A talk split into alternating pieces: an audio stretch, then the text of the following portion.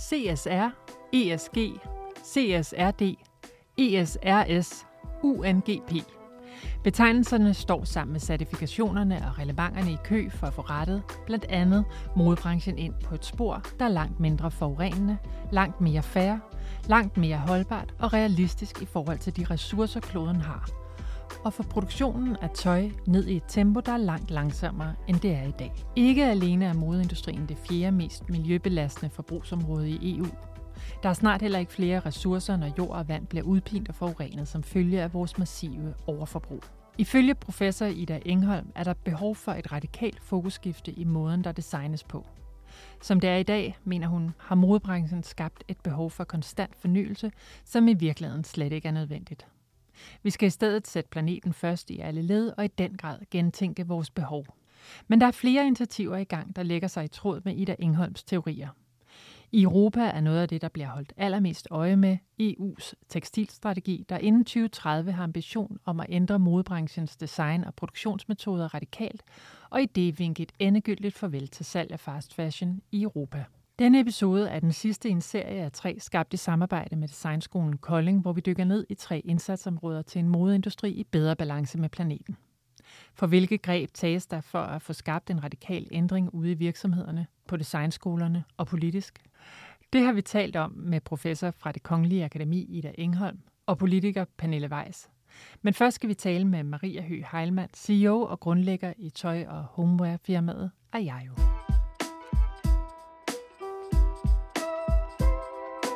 Jeg tror, min drivkraft har altid været materialerne og håndværket. Jeg har altid syet, strikket tøj, siden jeg var helt lille. Så på en eller anden måde har det altid været der, jeg fandt hen. Jeg elskede at udvikle ting eller skabe ting, kan man sige. I, jeg var så heldig at arbejde i to år i Italien efter min uddannelse, hvor at jeg helt klart fik sådan understreget, hvorfor jeg var gået ind i den her branche, fordi at der fandt jeg alle de fantastiske materialer, og der var rigtig mange fantastiske håndværkere. Når man skulle lave et bælte, så gik man til sadelmageren og fik ham til at hjælpe en med det. Når man skulle lave strik, så var man på strikkeriet, og på den måde så har Italien helt klart vækket min begejstring for den kærlighed til faget, jeg allerede havde. Og sådan en, hvis jeg hører dig ret, tættere på håndværket. Ja, det er den der den kreerende proces. Jeg synes, det var så fantastisk, hvad de kunne lave. Om det så var strik, eller metervarer, eller øh, skin, så var det helt klart, det var drevet af. Det var det bag ved produktet, som altid har haft min største kærlighed. Og jeg tænker, at det har også været et ønske om at lave noget andet, end man ellers så på markedet, især dengang. Ja, lige på det tidspunkt var det nok ikke et særligt, eller det var ikke et specielt sjovt sted at være som designer, fordi der var helt klart fart på brug og smid væk kulturen. Vi var kommet lidt væk fra det gode håndværk. Vi var også kommet væk fra de oprindelige materialer.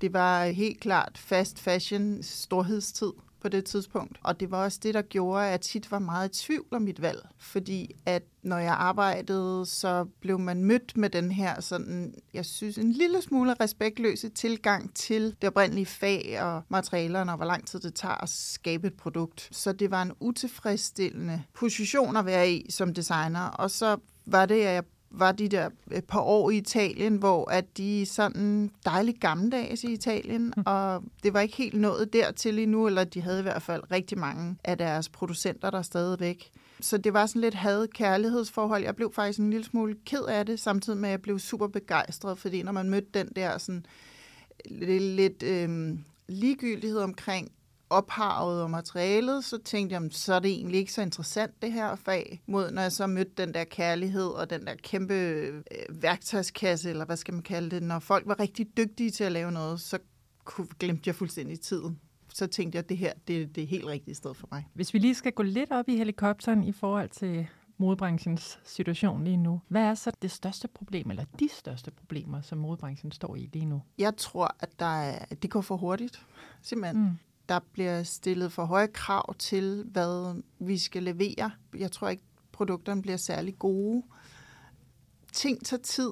Altså, gode ting tager tid, og der er ikke øh, tid i året til... Altså, jeg tror, der er rigtig mange firmaer, som laver mange kollektioner i løbet af et år. Jeg synes, det er helt vanvittigt, faktisk. Det er som om, at det går hurtigere og hurtigere, og man har helt glemt, hvad det går ud på. Og det kommer der sjældent noget godt ud af, og det kan lyde sådan lidt privilegeret at sidde og sige det, fordi det er også et spørgsmål om nogle forretninger, der har et ansvar, og nogle lønninger, der skal betales, og der skal nogle indtægter ind osv. Men på en eller anden måde, så skal det retænkes. Ofte tænker jeg faktisk, at modebranchen er super gammeldags i deres tilgang til øh, sæsoner og indkøb og leveringer. Eller også er den pludselig blevet styret for meget af hurtig indtjening, tror jeg. Altså at fikse noget, men så lige glemme, at hvis du gør det her, så kommer der en masse andre problematikker herude, som du ikke lige har tænkt over. Det lyder som en god plan, det her, men hov, så fik vi alt det her overproduktion. Hvad gør vi med det? Så tjener vi slet ikke penge på det. Så sælger vi det billigere for at få nye penge til at producere mere. Altså, det er sådan en lappeløsning på en dårlig plan. Og hele det her sæsonhjul, det er jo faktisk noget af det, der bliver skældt allermest ud i branchen, og noget ja. af det, som mange peger på, kunne være med til at ændre hele den måde, vi producerer og køber ind på. Mm. Men hvad skal der til for, at der sker den her ændring? Ja, det er jo et godt spørgsmål. altså, hvis jeg havde det, så, øhm, så tror jeg, at, eller hvis nogen havde det, så havde man jo gjort noget ved det. Altså det, som jeg i virkeligheden synes, det er, at vi alle sammen lidt taber i det. Jeg synes, forbrugeren får et halvskidt produkt, som ikke holder specielt godt. Det ser måske godt ud et par gange. Vi overproducerer, det kan vi simpelthen ikke gøre i den verden, vi står i i dag. Det giver slet ikke mening at producere på den måde. Jeg tror også, vi driver lidt rovdrift på produktionen, altså de steder, hvor ting bliver produceret. I virkeligheden så burde vi øh, lave sådan en, øh, hvad skal man kalde, altså det var faktisk ret interessant. Jeg synes, det var, corona var et meget interessant eksperiment. Det kan lyde underligt at sige. Men det der med, at man kunne ændre opførsel overnight, det er lidt det, der skal ind i tøjbranchen faktisk. Mm. Altså vi skal øh, prøve at sige, okay, nu kører vi ikke noget i to år, eller nu må vi ikke producere nye... Altså, der skal sådan et eller andet meget drastisk til. Øh, jeg synes, der skal rigtig mange regulativer ind, faktisk. Jeg tror, jeg vil starte der. Jeg synes, at det burde... Øh, skal man jo ikke tale dårligt om andre, men jeg synes for eksempel, at man skulle lave en fælles regel om, at Europa må ikke importere noget fra Kina. Punktum. Det er sjovt, du siger det her med, at vi overnight ændrede øh, vaner og øh, handlemønstre i forbindelse med corona, men det er jo lidt som om, at uanset hvor meget øh, jorden den øh, varmer op og svømmer over, så er det ligesom ikke nok til, at vi ændrer os, eller Nej. ændrer vores øh, indkøbsvaner. Nej, det er mærkeligt. Det er, um, altså, jeg har jo sådan en... Jeg synes, at vi burde alle sammen begynde at gå til aftenskole i stedet for at sidde og scrolle i vores telefoner. Vi burde komme tilbage nogen til nogle af de der ting, og der er rigtig mange gode strømninger i gang. Folk begynder at strikke. Vi har jo nede i en af vores butikker, som er et lidt andet butikskoncept, som hedder The IIO Market, hvor vi underviser folk i at brodere på deres tøj eller reparere deres tøj og ligesom skabe noget selv. Vi skal i gang med de her ting, hvor vi skaber noget selv, i stedet for at blive underholdt eller dikteret af andre, sådan vi ligesom... Altså den der underholdningsting, jeg tror også, at gå i butikker og købe tøj, det er jo ikke, fordi vi har brug for det, det er jo underholdning på en eller anden måde. Det er det, det er blevet. Det er blevet en social aktivitet. Ja, og sådan et quick fix så vi, vi har fået skabt en eller anden afhængighed af forbrug, som vi skal af med. Men altså, jeg, jeg er jo for eksempel, det vi gør, det er, at jeg opsøger regenerative landbrug, når jeg gerne vil købe bomuld, fordi de giver det samme tilbage til jorden, som de tager. Det går ligesom ud på at bevare jorden næringsrig, og sådan, så du ikke skal hele tiden skal øhm, have ny jord, eller øh, fælde skov for ligesom at skabe ny øh, landbrugsjord. Øh, du tænker dig om, du tænker langsigtet, det er sådan noget, jeg synes er sjovt i mit arbejde, at få materialer derfra. Og det kan alle ligesom gøre. Det er sådan set nemt nok. Du kan bare søge efter regenerative farmed cotton. Det er økologisk, og farmerne har et bedre liv. De får mere for deres bomuld. Og sådan. Jeg synes, at det giver mening for mig, og det er det, der gør mig stolt af at lave produkter i jeg jo. Det er nemt for alle at gøre. De skal bare betale lidt mere for det, og så kan det være, at produkterne bliver lidt dyrere. Altså, det er, jo, det er jo sådan nogle, men jeg tror, man skal i, for sig selv arbejde i de små. Vi gør det sådan set også med dyrefibre. Vi arbejder i monomaterialer og naturlige materialer. Det gør vi, fordi at jeg synes, de er smukkere fra naturens hånd. Jeg synes, det er mindre kompliceret. Jeg tror, jeg får et bedre produkt. Jeg tror faktisk, at jeg er jo, der har vi en større kærlighed til produktet og materialet end til bundlinjen. Og det er egentlig det, der gør, at vi føler, at vi gør vores i det små. I forhold til din designproces, alle de værdier, I har i firmaet, hvordan arbejder du ligesom ud fra dem, når du sidder og designer nye kollektioner? Vi har sådan en ret stærk material first philosophy, kalder vi den. Vi starter med materialerne. Vi har ligesom, vi ved, hvad vi har. Vi har vores lamaul, og vi har vores satul, vi har vores jak. Så det er meget de samme materialer, vi bruger. Så strikker vi dem på en ny måde, får nogle nye strukturer. Vi sammensætter farverne på en ny måde, men det er faktisk rigtig meget den samme sådan kasse af materialer, vi har hver sæson. Og så bliver man i, i processen meget inspireret af materialerne og den sidste kollektion, man lavede. Det er faktisk inden for et meget begrænset område, og det kan jeg rigtig godt lide, at der ikke er alverdens muligheder, fordi det giver dig mulighed for at dykke ned i materialet og sådan ligesom nørde lidt med det. Og så er jeg meget selektiv med de der materialer, fordi at hvis du har et smukt uldstof, så skal der ikke ret meget til. Så vi, vi vælger altid vores materialer først, og hvor de kommer fra. Altså de, jeg, jeg bliver forelsket i dem, hvis de har en fin historie. Og hvis de så også sælger godt, så er det jo rigtig sjovt, kan man sige. Øhm, så det er jo ikke, fordi vi er uinteresserede i at have en god forretning. Vi vil faktisk rigtig gerne have en god forretning, fordi vi tror også på, at hvis vi har det, så er der nogen, der kigger vores vej og prøver at gøre de samme ting. Så hvis man kan inspirere folk til ligesom at regenerativ øh, landbrug er sejt, eller ufarede materialer. Hvordan har kommunikationen med øh, slutforbrugeren ændret sig over de her snart 20 år? Jeg synes faktisk, de seneste år den har ændret sig ret meget. Jeg synes egentlig efter corona allermest. Folk er altid interesseret i at vide, hvor ting kommer fra, men ikke for meget. Og så er der igen, det, det igen, det kommer meget an på folk. Der er også nogen, der øh, skriver og spørger, hvad knapperne lavet af, fordi at det er virkelig vigtigt for mig, at der ikke er noget øh, unaturligt i knapperne også. Altså, de tager sig tid til at skrive en mail om, at det er en stor beslutning, når de køber noget, og de vil gerne vide, at det er helt ned til. Og så er der andre, der aldrig nogensinde vil tænke over det. Men jeg tror mere og mere, at folk har sådan en forventning om, at der skal være ordentlige arbejdsforhold. Jeg tror egentlig stadig mest, det er ordentlige arbejdsforhold, folk går op i. Altså den brede gruppe. Jeg synes, at det er utroligt så lang tid, vi er om at forstå, hvor meget tekstilproduktion sviner i verden? Og hvor dårlig en idé det er at blande materialer og bruge polyester og altså sådan nogle ting. Det er egentlig ret vildt, at folk ikke tænker mere over det. Og der er nok også noget med, at tekstilbranchen har gået under radaren i, alle, i hele regulativet. Altså inden for mm. kosmetik og fødevarer, der er jo mange flere regler. Det er som om, at det er tekstilbranchen eller tøjbranchen, det er sådan lidt wild west. Der kan du bare gøre, hvad du har lyst til og producere så meget, du har lyst til. Øhm, så det er rigtig godt, at der er ting i gang for vores branche, sådan så vi bliver tvunget til at tænke lidt mere over, hvad det egentlig har konsekvenser, det vi gør. Mener du, at I har løsningen på, hvordan man kan skabe et modebrand, hvor man ikke bidrager til en yderligere klimabelastning? Jeg tror, der er rigtig mange måder at gøre det på. Også rigtig mange andre måder, end dem vi gør det på. Altså, der er jo mange, mange måder at være bæredygtig på, hvis det er det, vi skal kalde det. Der er også masser af produkter, vi ikke laver fordi jeg har ikke lyst til at bruge øh, lykra for eksempel.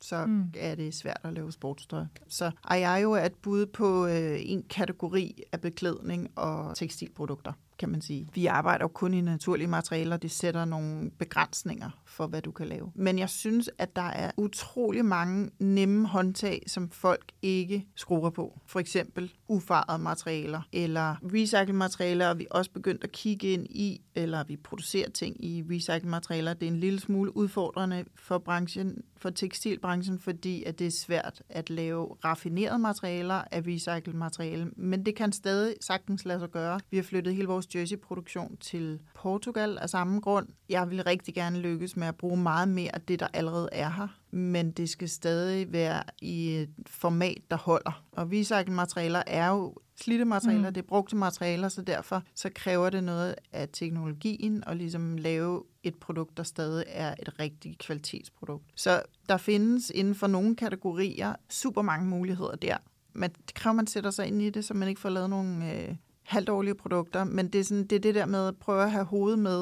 Der er ikke nogen grund til at blande materialer nødvendigvis. prøv at holde dem i monomaterialer. Det vil spare utrolig mange ressourcer, både i produktionen af materialet, men også bagefter, når man skal genbruge materialer. Det er meget svært at skille blandingsmaterialer ad, hvor monomaterialer er fra naturens hånd recyclable.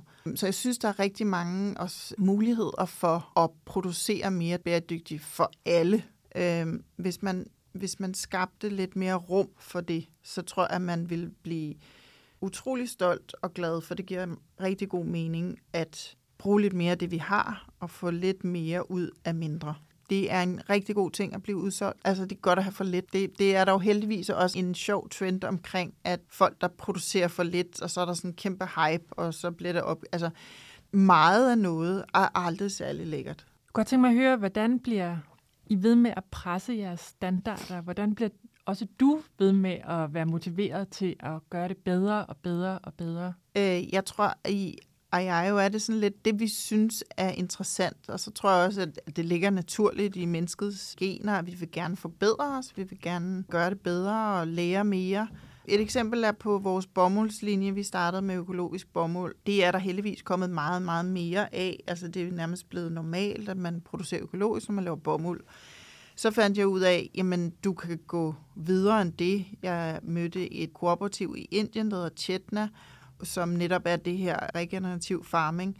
Så udover de økologiske, så er det en sammenslutning af ingeniører og farmer og producenter, som ligesom vidensdeler – og hjælper hinanden. Producenterne de sørger for, at de køber bomulden fra farmerne, hvis de lover at lave regenerativ landbrug. Og det synes jeg er mega interessant. Og når man er nede og se det, så kan man bare se, hvor god mening det giver. Og man møder nogle fantastiske mennesker og får indblik i deres liv. Og sådan noget, det driver os, og vi lærer noget nyt. Så jeg tror måske bare, det sådan lidt kommer fra en kærlighed til ophav og produkt. Og så har vi en dejlig mulighed for at glemme forretningen.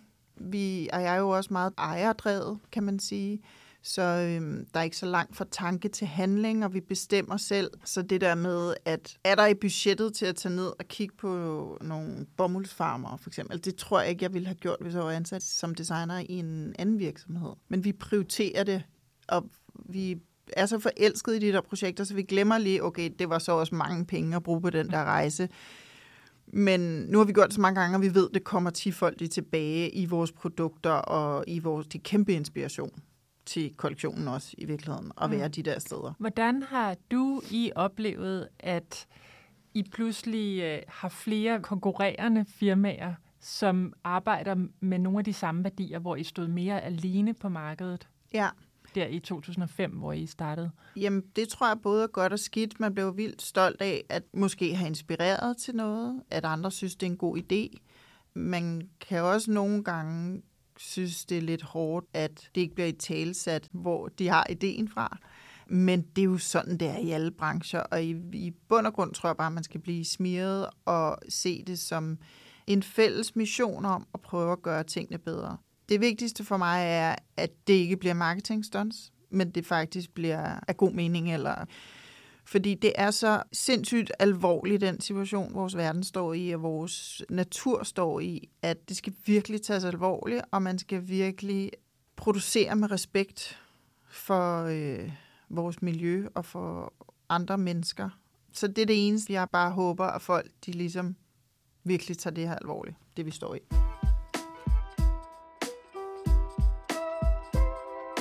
Ida Engholm er professor på det Kongelige Akademi og udgav sidste år bogen Design for the New World – From Human Design to Planet Design, som handler om, hvordan man kan designe sig til en mere bæredygtig verden. For som hun selv siger, så er designere uddannet til at opfinde ting, der ikke allerede er. Så hvem skulle ellers kunne finde på denne omfattende ændring, der skal til for at ændre modesystemet til en industri, der kan fungere i balance med planeten? Udgangspunktet for bogen er, at vi står over for en af de måske største omstillinger i menneskehedens historie, og min påstand er, at den omstilling er nødt til at blive drevet af et fundamentalt perspektivskift, hvor vi går fra at sætte øh, mennesket i centrum til i stedet at have planeten, eller vi kan også sige livet selv, som den vigtigste horisont for vores beslutninger. Og i forhold til design, der er min pointe, at design både har været en del af det problem, vi står med, men også kan være en del af løsningen. Men det kræver, at vi ændrer fokus, og det er vel og mærket et radikalt fokusskift. Ida, du beskriver jo de seneste århundredes design som en, en form for stor maskine, der konstant skaber nye behov. Hvad er ifølge dig det fundamentale problem med den her designmaskine? Jamen, altså jeg beskriver netop de seneste øh, to århundredes design som den her store maskine, som i accelererende tempo hele tiden skaber nye behov, og lige nu jo med en stadig mere grasserende hastighed. Og den her maskine, den er drevet af vores forestillingsevne, øh, som hele tiden kommer med nye idéer, men som jo også leder til et enormt forbrug af begrænsede ressourcer. Og for at den her maskine kan overleve, så er den jo nødt til at skabe nye behov. Men det spørgsmål, jeg stiller, det er, er det vores behov, den dækker, eller snarere sit eget øh, systemets behov? Og her kan man i forhold til mode jo spørge, hvis behov er det for eksempel, at vi på få årtier er gået fra at have to kollektioner om året, sommer og vinter, til at vi i dag øh, har helt op til 24 kollektioner om året. Så der er jeg optaget af, hvad er det for antagelser, og hvad er det for værdier, som vores designmaskine er drevet af, og kan vi føde dem med nogle andre værdier? Og som ved det spørgsmål, der er det jo også relevant at spørge om den acceleration i modesystemet, som vi har været vidne til i de senere år, hvad kan man sige, bør fortsætte som normaltilstand, eller om der ikke snarere er tale om en ekstrem tilstand, øh, en historisk parentes, hvor ekstrem vækst og det her totale forbrugsmæssige amokløb, som har fået lov til at køre afsted og som har destabiliseret hele kloden og dermed også sige, fremtidsudsigterne for de kommende generationer. Og der mener jeg, at det er altså som led i de spørgsmål vigtigt at diskutere, om det vi ser nu egentlig er sådan et udtryk for den menneskelige natur, altså noget af det der med, at vi hele tiden gerne vil have nyt, eller om det måske ikke mindre handler om vores natur, end om den kultur, der er blevet bygget op omkring mode, og som vi jo lige nu på en eller anden måde anser for det normale, men altså historisk set jo kun har udgjort en kort periode. Og der synes jeg, at det er vigtigt, at vi begynder at se kritisk på det, man måske kunne kalde den institutionelle og den kulturelle side af mode. Og de forestillinger og værdier, som der er omkring mode nu, hvorfor skulle de ikke være mulige at ændre? Og hvis vi, man kan sige, går tilbage til det her med ideen om metaforen designmaskinen, hvordan kan vi omprogrammere maskinen? Hvordan kan vi give den måske en anden algoritme, mm. og på den måde sætte en ny retning for design og, og for mode, og i den forstand også sådan i et større perspektiv også en ny retning for menneskehedens udvikling. Det der mener jeg, at vi netop er nødt til at træde et skridt tilbage. Jeg kalder det meta-design, altså over eller bagom design, og som indebærer, at vi ligesom kritisk begynder at forholde os til de værdier, de antagelser, de verdenssyn, der er drivende i moden nu. Ida, jeg kan ikke lade være med at spørge, hvor forestiller du dig, at den ændring den skal starte henne? Er det hos, når vi nu snakker mode, er det så hos forbrugeren, eller er det ude i industrien? Altså jeg tror, det er på mange forskellige niveauer, at vi skal tage fat Altså en ting er, at der er i hvert fald måske tre veje at gå. Altså den ene er, er lovgivning, altså at vi understøtter det, som vi gerne vil have mere af, og straffer det, vi gerne vil have mindre af. Øh, og der synes jeg, det er interessant at se, hvad de nye krav til bæredygtighedsrapportering, de her CSDRD fra EU kan betyde. Jeg tror, det kan blive en kæmpe game changer. Og så er der den anden vej, det er jo, at virksomhederne designer gennem lovgivning på den ene side, og så selvfølgelig forbrugerkravene netop på den anden side, kan se et incitament i forhold til at komme med på den grønne vogn og ikke stå tilbage på perronen, når, ja, når det grønne tog kører. Ikke? Hvor man kan sige, det er bedre at være med til at disrupte markedet end selv at blive disrupted. Og så det tredje vej handler om, om mindset. Der taler jeg i min bog om sådan en ny man kunne kalde en oplysningstid, som kunne skubbe på et, en ny bevidsthedsudvikling. Og det handler om, at vi begynder at forstå os selv i et nyt perspektiv. Ikke kun som individer, organisationer eller nationer, men simpelthen som en mm. menneske har distribueret ud over jordklodens overflade. Og det kræver jo en form for folkeoplysning. Så er vi jo selvfølgelig op mod nogle meget stærke strukturer, men jeg tror, at dygtige designer og branding-eksperter kan være med til at skabe måske den vigtigste modfortælling nogensinde, nemlig den, der handler om et opgør med det verdenssyn der siden øh, den videnskabelige industrielle udvikling har placeret os, altså mennesket, som den ypperste og øverste skabning i et hierarkisk system, som vi jo selv har opfundet til, at vi skal begynde at erkende, at vi er en del af en større helhed, og vores overlevelse som meget står og falder med vores evne til at forstå den sammenhæng. Og hvor jeg også tror, at det er nødt til at blive altså på en eller anden måde cool og fedt mm. at tænke ansvarligt, hvor det ligesom måske lige frem altså, kan blive sådan et udtryk for sådan en barnlighed, eller sådan et udtryk for et lavere udviklingstrin. Det der med, at vi bare vil ligesom have mere og mere. Ikke? Der har udviklingspsykologen Piaget øh, lavet en meget fin sammenligning, hvor han siger, at det udviklingstrin, som menneskeheden med global brain, kunne man kalde det, ikke? den globale hjerne, den bevidsthed, der er til stede nu på jorden, altså at den minder lidt om en teenager der er enormt meget i virkeligheden sådan en, en narcissistisk adfærd, at vi på en måde har hovedet op i vores egen røv, ikke? øh, og er optaget af netop at få mættet vores øjeblikkelige behov, og ikke kan finde ud af at tænke langsigtet. Og det er jo på en eller anden måde på individniveau, men også på civilisationsniveau et udtryk for et mm. lavestående bevidsthedstrin simpelthen. Når du ser på modeindustrien i dag, ser du så nogle bevægelser, der peger hen mod der, hvor du gerne vil have os hen. Både den lovgivning, der kommer nu, vil jo få enormt ja. stor indflydelse. Og så ser jeg også, altså hele bevægelsen omkring øh, gensalg, slow fashion, skaber jo også nogle, nogle nye forretningsmodeller, som kan sætte en ny retning for modeindustrien, og som jo er ansvarlige i deres fundament, fordi at de er orienteret om at tænke cirkulært, og på den måde gøre op med den linære tankegang, der har ligget til grund for hele industrialismen, men også modens produktions- og konstruktionssystem, og som vi kunne kalde sådan en ude af øje, ude af sind tilgang, hvor vi ligesom bare bruger, og så smider vi væk, og så ser vi os ikke tilbage. Men hvor de her nye tilgange peger på, at vi begynder at forstå, at alt hvad vi gør og ikke gør, har en betydning for helheden. Og at vi bliver nødt til at udvikle øh, nye produktioner, nye teknologier, materialteknologier, og selvfølgelig også en ny adfærd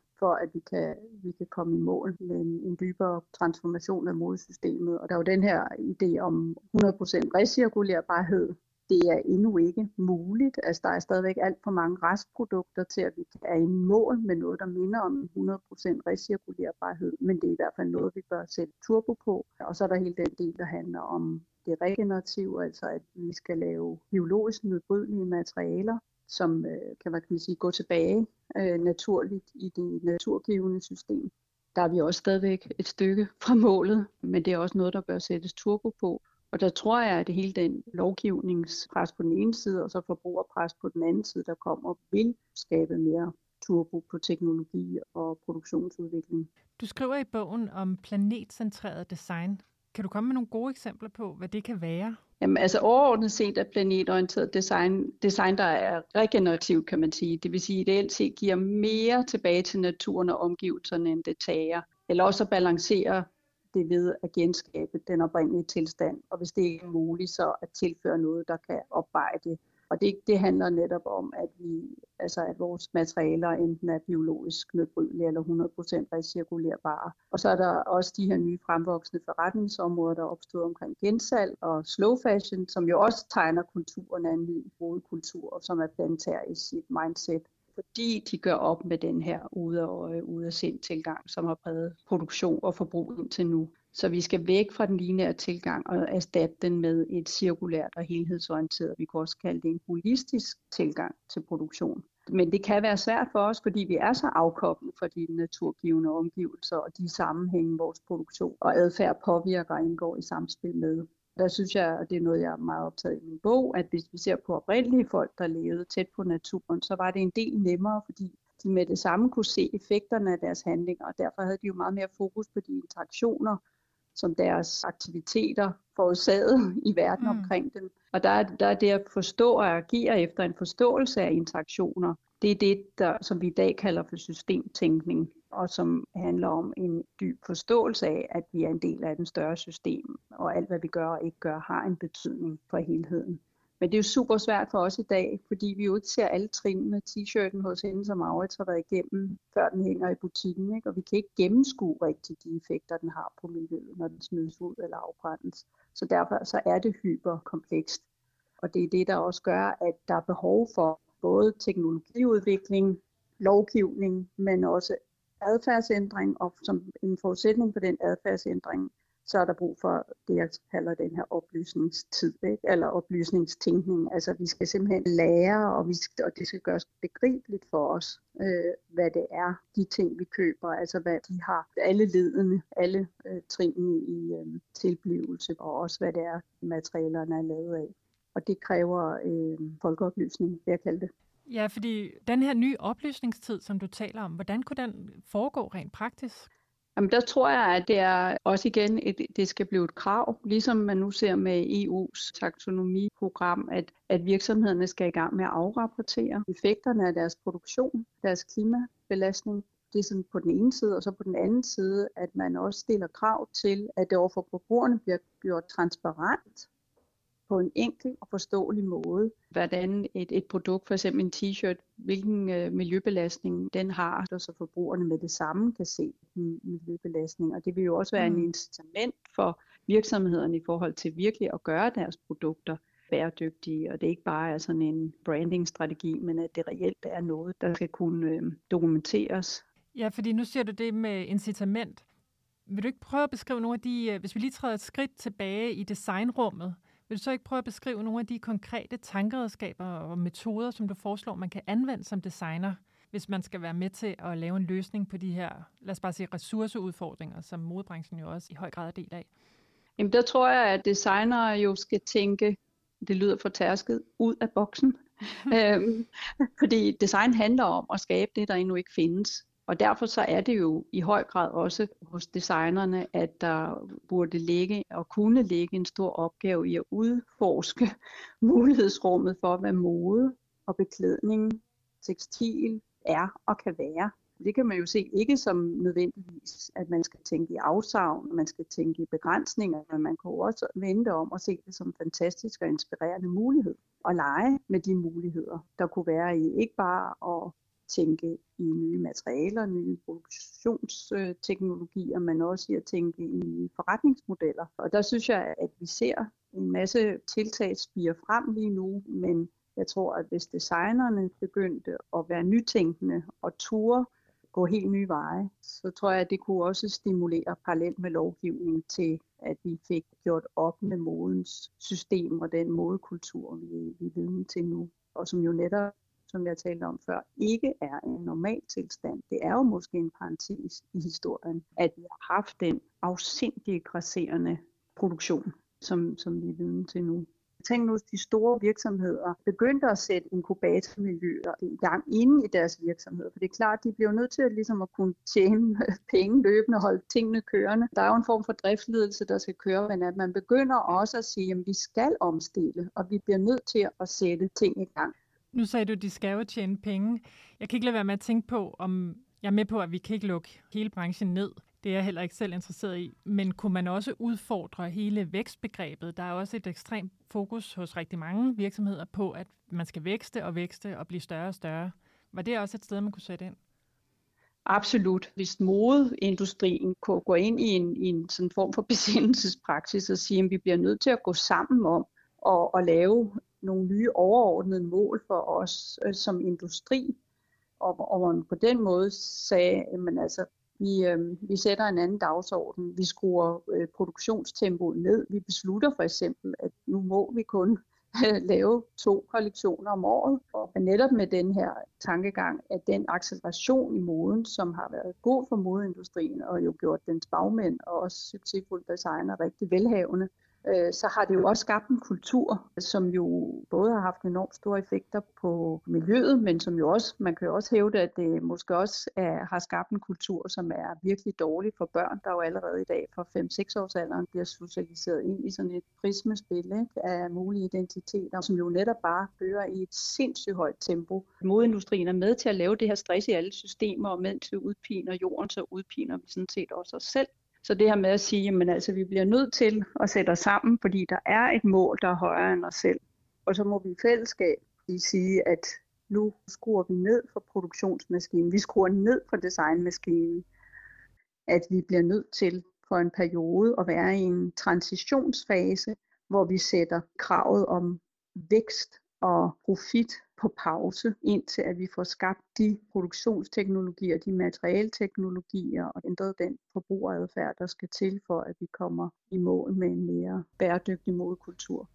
Ida, hvis vi lige skulle genbesøge de her tankeredskaber og metoder, som man skal fodre de kommende designgenerationer med, hvad er det så for nogle vigtigste nogen, du vil fremhæve? Det jeg arbejder med, det jeg kalder zoom-linser, hvor jeg siger, jamen altså det er vigtigt, øh, når man skal designe, at man netop ikke bare begynder at reproducere de eksisterende tilgange og begynder bare at tænke i produkter med det samme, men at man netop træder et skridt tilbage, det jeg også kalder meta-design, altså at gå bag om design og prøve at ligesom forbinde sig med spørgsmålet om, jamen hvad er det egentlig for nogle antagelser, og hvad er det for et perspektiv, jeg går ind i det her med. Der er en zoomlinse, den, den kunne handle om at zoome ud i rum, i forhold til det planetære perspektiv, at vi ser kloden udefra som et lukket, finit system, som der faktisk ikke er nogen rør ud af, og hvor derfor alt, hvad vi hælder ud i haven, i miljøet og i atmosfæren, har konsekvenser på længere sigt for vores egen overlevelse. Og den anden linse er så, at vi zoomer ud i tid, som jeg kalder det intergenerationelle perspektiv, med fokus på, hvordan vores adfærd påvirker de fremtidige generationers muligheder for at kunne leve her på jorden. Hvor langt sætter vi tidshorisonten ud i fremtiden? Er vi orienteret om bare næste kollektion, eller har vi faktisk også et længere sigte, der handler om, hvordan skal vores produktion se ud om 5, om 10, om 30 år for eksempel? Og der synes jeg, at det er interessant, når vi kigger på det internationale, at vi jo typisk har meget korte tidshorisonter, når vi udvikler og producerer, hvor for eksempel oprindelige folk, de har et syv generationers perspektiv, når de træffer vigtige beslutninger. Tænk nu, hvis vi kunne have det som et krav i industrien, at vi havde et syv generationers perspektiv, når vi skulle vælge mm. produktioner og materialer. Og så den tredje linse, det handler om at zoome ud i forhold til behov med fokus på spørgsmålet om vores indre, vi kunne næsten kalde det eksistentielle, vores absolute behov i forhold til de kunstigt frembragte behov, som modesystemet hele tiden producerer og som handler om, at vi hele tiden skal have nyt, og vi ikke er lykkelige, medmindre vi hele tiden får nyt. Og der, der foreslår jeg, at vi, at vi som en del af vores design udviklingen forbinder os med os selv. Hvad er det egentlig, hvor der er vores dybe eksistentielle behov, men også forbinder os med planeten. Er den dejlighed, jeg oplever i det lille sekund, jeg lige får den nye taske, eller er den dejlighed blivende, eller er det ikke bare en flygtig ting? Bliver jeg egentlig ikke bare taget ved næsen, fordi nu skal jeg ud så i, i næste uge og opleve og, og få en længsel efter noget nyt, der skal opfylde mit behov. Begynder at få en diskussion af, jamen, hvad er egentlig vores behov? Hvad er det egentlig for nogle lykkefortællinger, som vi, som vi abonnerer på i det her samfund? Hvad er samfundets drøm egentlig? Kan vi lave en ny drøm for et samfund? Kan vi lave nye fortællinger om verden af livskvalitet, hvor vi ikke hele tiden skal have nyt og designertasker og løbe for puste rundt inde på strøget, når der er udsalg? Eller skal vi til den anden side af jorden på, på yogaferie på Bali? Eller er vi faktisk lige så lykkelige, hvis vi er sammen med vores familie ved Gudenåen og samler regnorme? I det her til sidst, så kunne jeg godt tænke mig at spørge dig, er det realistisk med en modebranche, der bidrager til en planet i balance? Jeg vil sige, det bør øh, næsten ikke være et spørgsmål. det bør, det er, det, jeg, jeg vil sige, altså modebranchen har en kæmpe forpligtelse, og hvis den ikke kan finde ud af det, så er den virkelig, altså så, så, er, det en, så er det netop altså at betragte som en umoden, øh, narcissistisk branche, der har hovedet op i egen røv. Pernille Weiss er ordfører for den europæiske folkepartigruppe i Europaparlamentet. Her har hun været med til at udforme den tekstilstrategi, der skal blive til lovgivning, som kommer til at skabe radikale ændringer i den europæiske modebranche. Hvorfor er sådan en tekstilstrategi overhovedet nødvendig? Jamen, det er jo altid vigtigt at have en overordnet plan for det, man har med at gøre, også i politik. Og derfor så øh, var vi glade for, at vi endelig fik et øh, udkast fra kommissionens side af for over et år siden nu, på en øh, ny øh, EU-tekstilstrategi, fordi sådan en havde vi slet ikke på, øh, på det tidspunkt. Men også fordi vi var jo allerede i gang med at arbejde med en masse lovgivning, der påvirker tekstilindustrien og hele den del af bæredygtighedsudfordringen, som, mm. som vores tekstiler jo er i et moderne samfund. Øh, og hvis man ikke ligesom har en overordnet køreplan, så er det jo svært at vide præcist, om man gør det rigtigt på de rigtige tidspunkter i de rigtige lovgivningsværktøjskasser.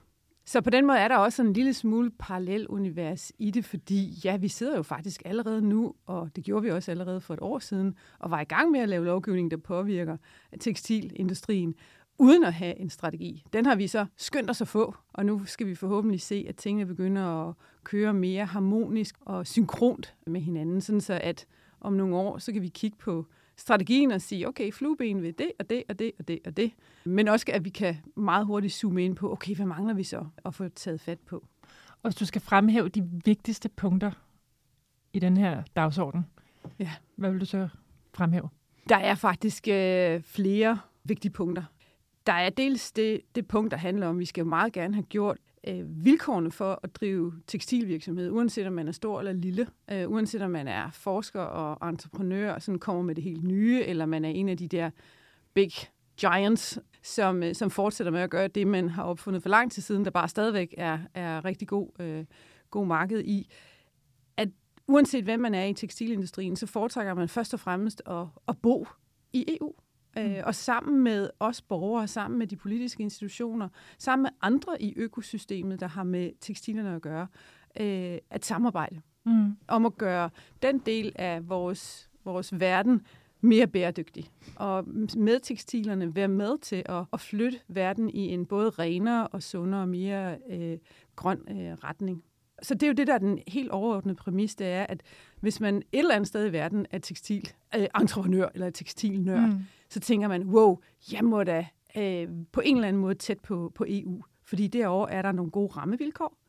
Øh, der er også nogle gode forskningsindsatser. Der er en god arkitektur og kommunikation imellem offentlige og private virksomheder. Der er en rigtig god øh, øh, arkitektur og samarbejde imellem øh, forsknings- og uddannelsesverdenen og virksomhederne, men også en inddragelse af civilsamfundet af os som, som almindelige forbrugere, der, der køber og bruger tøjet, øh, tekstilløsningerne, øh, så man hele tiden bliver klogere på, at tekstilerne øh, ikke er et tegn på tiden, men er med til at påvirke tiden, og også fremtiden. Det bliver mhm. sådan helt filosofisk. Men det er jo, det, det er jo, det er jo først og fremmest den, den, den, den vigtigste, synes jeg, del af tekstilstrategien, at den har den ambition i sig. Vi skal simpelthen være verdensførende. Og så nedenunder det, så er der jo en hel masse konkrete værktøjer, vi så skal have slebet, der skal blive bedre. Blandt andet til, at det skal ikke blive sværere at være en lille innovativ virksomhed, som typisk har de nyeste og mest radikale produkter øh, eller teknologier imellem deres hænder det skal jo ikke blive sværere for dem i fremtiden, at dels at, at kunne udvikle sig, men også kunne vokse. Fordi vi, vi får ikke ændret verden til at blive mere bæredygtigt sted, hvis de mest geniale og bæredygtige løsninger ikke har mulighed for at komme op og blive mellemstore og store virksomheder, så det virkelig slår igennem på, på vores hvad skal man sige, forbrugsmønster og vores øh, forbrugsadfærd. Øh, så derfor så er der jo rigtig mange værktøjer, som, øh, som man skal arbejde med. Og det vi lige nu har på bordet, er jo kun et lille udsnit. Det er nogle vigtige udsnit, men der forestår rigtig meget arbejde nu også de næste 4-5 år frem. For vi kan sige, at når vi når 2030, så kan vi kigge på strategien og sige, oh ja, yeah, de mål, vi satte os, dem er vi, dem er vi tæt på at have, have indfriet. Og vi ved også, hvad vi så skal frem til 2050. Og hvilke punkter har I allerede nu fået indført i Europaparlamentet? Altså, vi ved at få indført, at øh, vi får et øh, produktpas. Et digitalt produktpas. Øh, det ligger i øh, Eco-Design-direktivet, mm. som her for nylig øh, blev færdigforhandlet mellem Europaparlamentet og, øh, og rådet. Der står, at vi skal have et øh, digitalt øh, produktpas, øh, sådan så man kan se på produktet. Man kan få de oplysninger om produktet via det her pas. Men konkret, hvordan passet så bliver strikket sammen, det skal kommissionen nu komme med et konkret forslag på, en såkaldt delegeret retsakt. Og det, som aftaleparterne, altså rådet og parlamentet, er blevet enige om, det er, at vi udelukker ikke, at det digitale produktpas både skal være et pas, som kan bruges mellem business to business, på det, der er relevant i det lag af lavkagen, Samtidig med, at vi heller ikke vil afskære os fra mulighederne for, at vi allerede inden for en overskuelig overrække, også som forbrugere, altså som kunder, som du og jeg, der står med mm. et stykke tøj i hånden, kan få en oplysning i vores købsovervejelse eller købshandling, eller i vores brugshandling om produktet via et uh, digitalt produktpas. Det kunne jo for eksempel være omkring reparation. Altså mm. hvis en knap falder af, eller en søm går, eller hvad det nu er, på et eller andet stykke tekstil, at man så via produktpasset faktisk kan få uh, vejledning i, hvordan kan jeg selv reparere det, eller hvor kan jeg gå hen med mit uh, tekstil, for at få det repareret, i stedet for bare at smide det ud, eller hvad man nu i dag. Det er jo faktisk gøre. noget viden, der er blevet glemt Ja, det er det, ja. Ja, det er det lige, lige præcis, og det kan jo være med til at give et nyt marked til, til nogle gamle håndværk mm. i det at lave reparationer af lige fra sko og hatte til øh, frakker. Og... Ligesom det jo så også kan være produktpasset, der fortæller os, hvordan er det, jeg skal vaske det her stykke øh, tekstil. Altså, behøver jeg at køre den på 60 grader, eller kan jeg faktisk godt køre den ned på, på 30 og på et vandbesvarende program? Altså, vi bruger jo alt for meget energi og alt for meget kemi i vores, øh, vores vask af tekstiler, som produktpasset jo kan være med til at opdrage os i, og måske mm. en dag kan produktpasset også kommunikere med vores vaskemaskine, sådan så man får en advarsel om, hov, nu er du sgu i gang med at vaske et eller andet på en forkert måde, hvis du faktisk gerne også i din måde at vaske dit tøj på, vil gøre noget, der er godt for miljøet og godt for, for vores klima. I har også for nylig gennemført et øh, forbud mod at destruere usolgte tekstiler og ja. sko. Hvor stort et problem er det? Jamen, det er et kæmpe stort øh, problem. At der, bliver en, der bliver lavet en overproduktion. Altså, jeg tror faktisk, at tekstilindustrien er den eneste industri, der mm. udmærker sig ved at have så, øh, så voldsom en overproduktion, der slet ikke passer til, hvad markedet egentlig kan optage. Og det er jo blandt andet, fordi det er, det er billigt at producere, og det er nemt at komme af med i destruktion. At det er faktisk billigere at komme af med det i, øh, i destruktion. Og, og det er simpelthen ikke sundt for vores øh, miljø, og heller, heller ikke for vores klima, i forhold til al den energi, der går ind i det sammensurium. Øh, så det er vigtigt at få, få bremset øh, op på, simpelthen. Og hvad bliver så det næste, der bliver lovgivet omkring?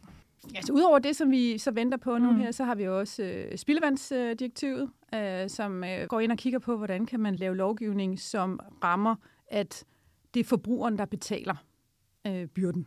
Mm. Altså det, det er forureneren, der betaler for øh, oprydningen.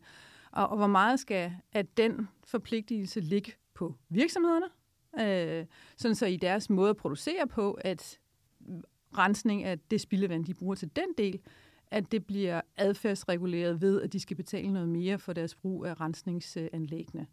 Øhm, den er ikke så svær at blive enige om, at det giver meget god mening. Det har vi også øh, en snak om i forhold til kosmetikbranchen og lægemiddelbranchen, fordi der går meget vand ind i deres produktionsanlæg, og derfor er der en vis rimelighed i, at de skal betale en del af udfordringen med at rense vandet.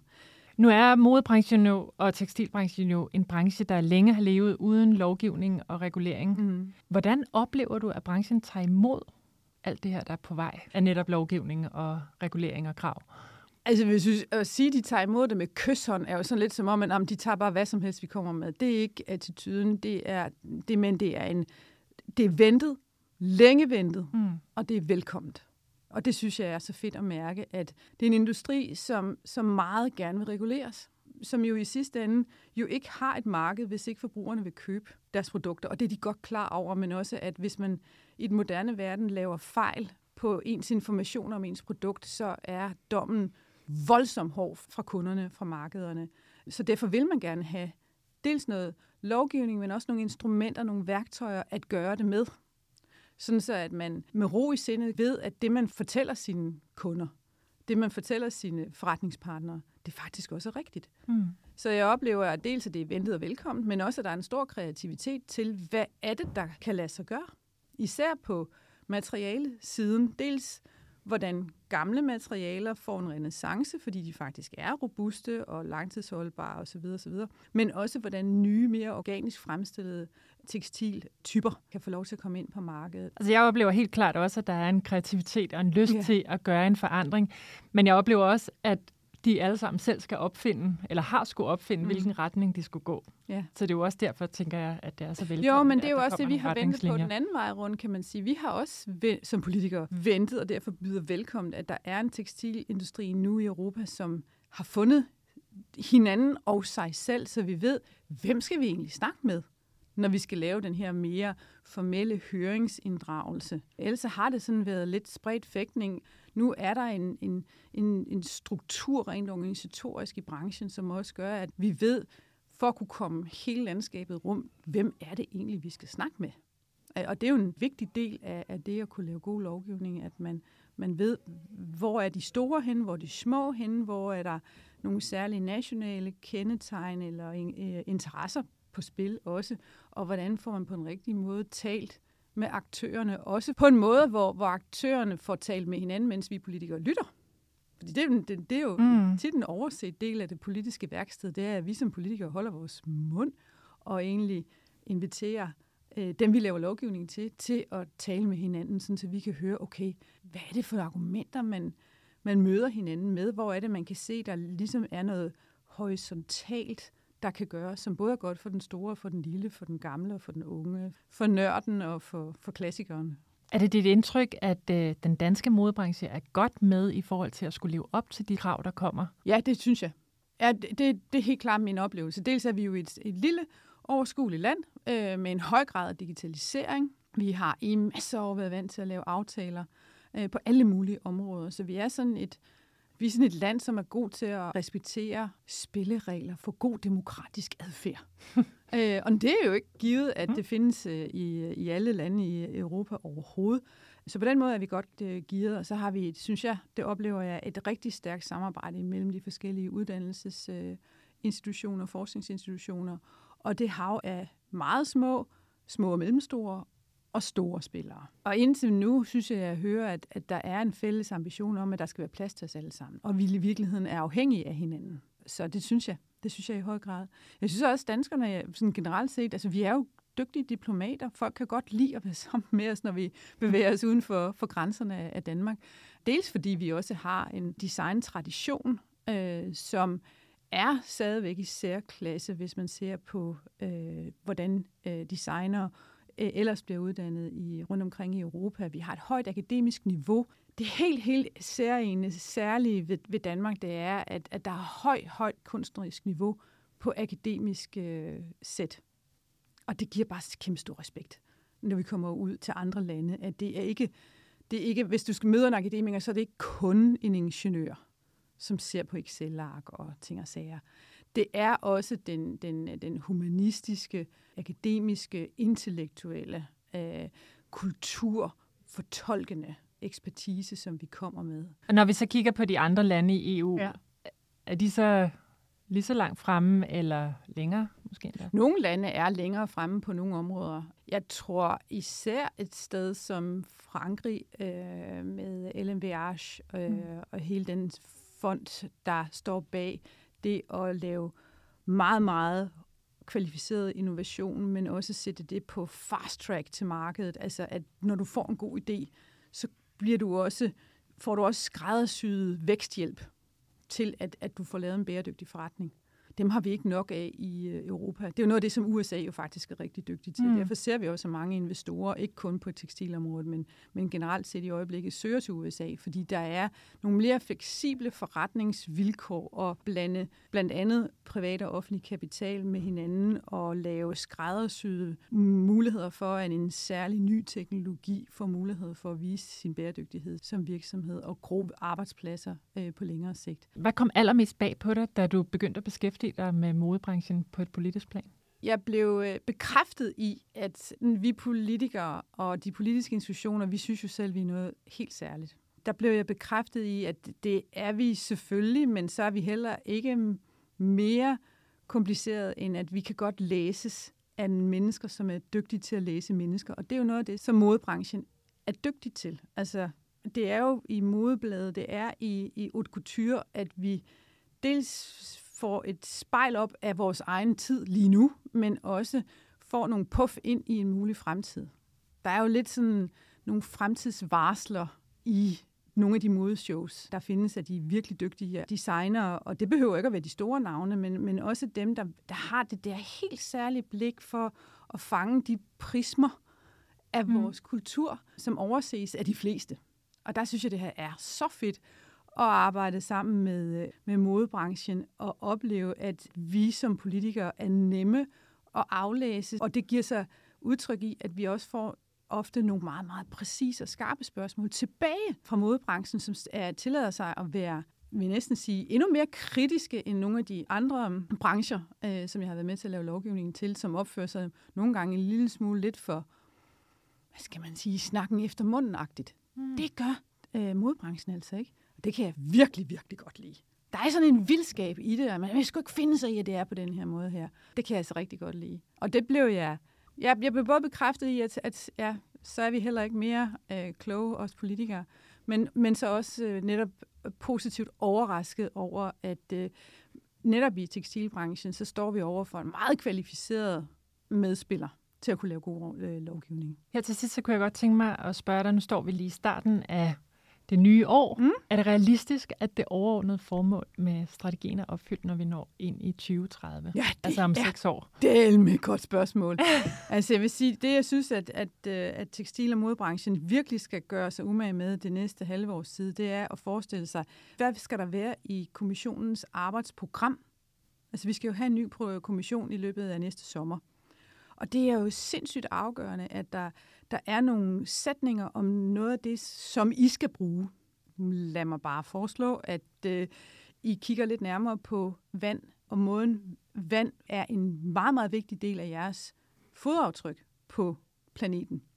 Jeg synes jo, det ville være fedt, hvis øh, modebranchen, øh, tekstilindustrien, sammen med mig og andre, ville råbe rigtig, rigtig højt om, at vi skal have en EU Blue Deal i den nye kommission. Vi har jo i dag en EU Green Deal, som handler om jagten på CO2-reduktion. Den er super, super vigtig. Den har været med til at sørge for, at vi kigger på, på tværs af en hel masse lovgivninger og siger, okay, hvordan skal de strikkes bedre sammen, for at de øh, maksimerer øh, reduktionen af CO2. Vi har virkelig brug for at tage vores vandudfordringer meget mere seriøst. Og det har vi ikke gjort i de sidste fem år. Det skal vi altså gøre i de næste fem år. Og måske er det i virkeligheden så også en mulighed for, at det kan opnås, at mode- og tekstilbranchen går ind og med konkrete eksempler rammer, rent ud sagt, de næste politikere og vælgerne lige i hjertet, så de forstår, okay, vi skal altså have lavet noget lovgivning på vand, fordi så kan vi også få nogle, øh, skabt nogle tekstilprodukter, som er langt mere miljøvenlige, langt mere energivenlige og langt mere klimavenlige. Så prøv også at tænke sådan lidt ud af boksen i forhold til, det er ikke kun det, der snævert set handler om tekstiler, men at vand, det ligger helt i bunden af alle industrier, og i særlig grad, så er noget, der rammer jer, hvis ikke I får mere medkontrol på, på vandpolitikkerne. Så det kunne være noget, I kunne hjælpe os med. Øh, for det ellers så kan vi nå frem til 2030, og så er det i virkeligheden det, at vi overså vandet, gør, at tekstilstrategiens 2030-mål ikke blev opnået. Så det vil jeg foreslå. Fordi det er jo netop nu, at vi kan sige til dem, vi vil kun have en kommission, som har vand med i mellemregningen, eller hvad det nu ellers er, I finder frem til, at det her, det skal vi altså sørge for, står på, på deres arbejdsprogram.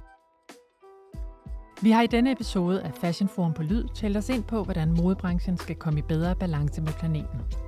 Vi har talt med Maria Høgh Heilmann, Ida Engholm og Pernille Weiss – mit navn er Karla Christine Bros Ågaard Strube. Programmet er produceret af Amalie Tejls Ybel.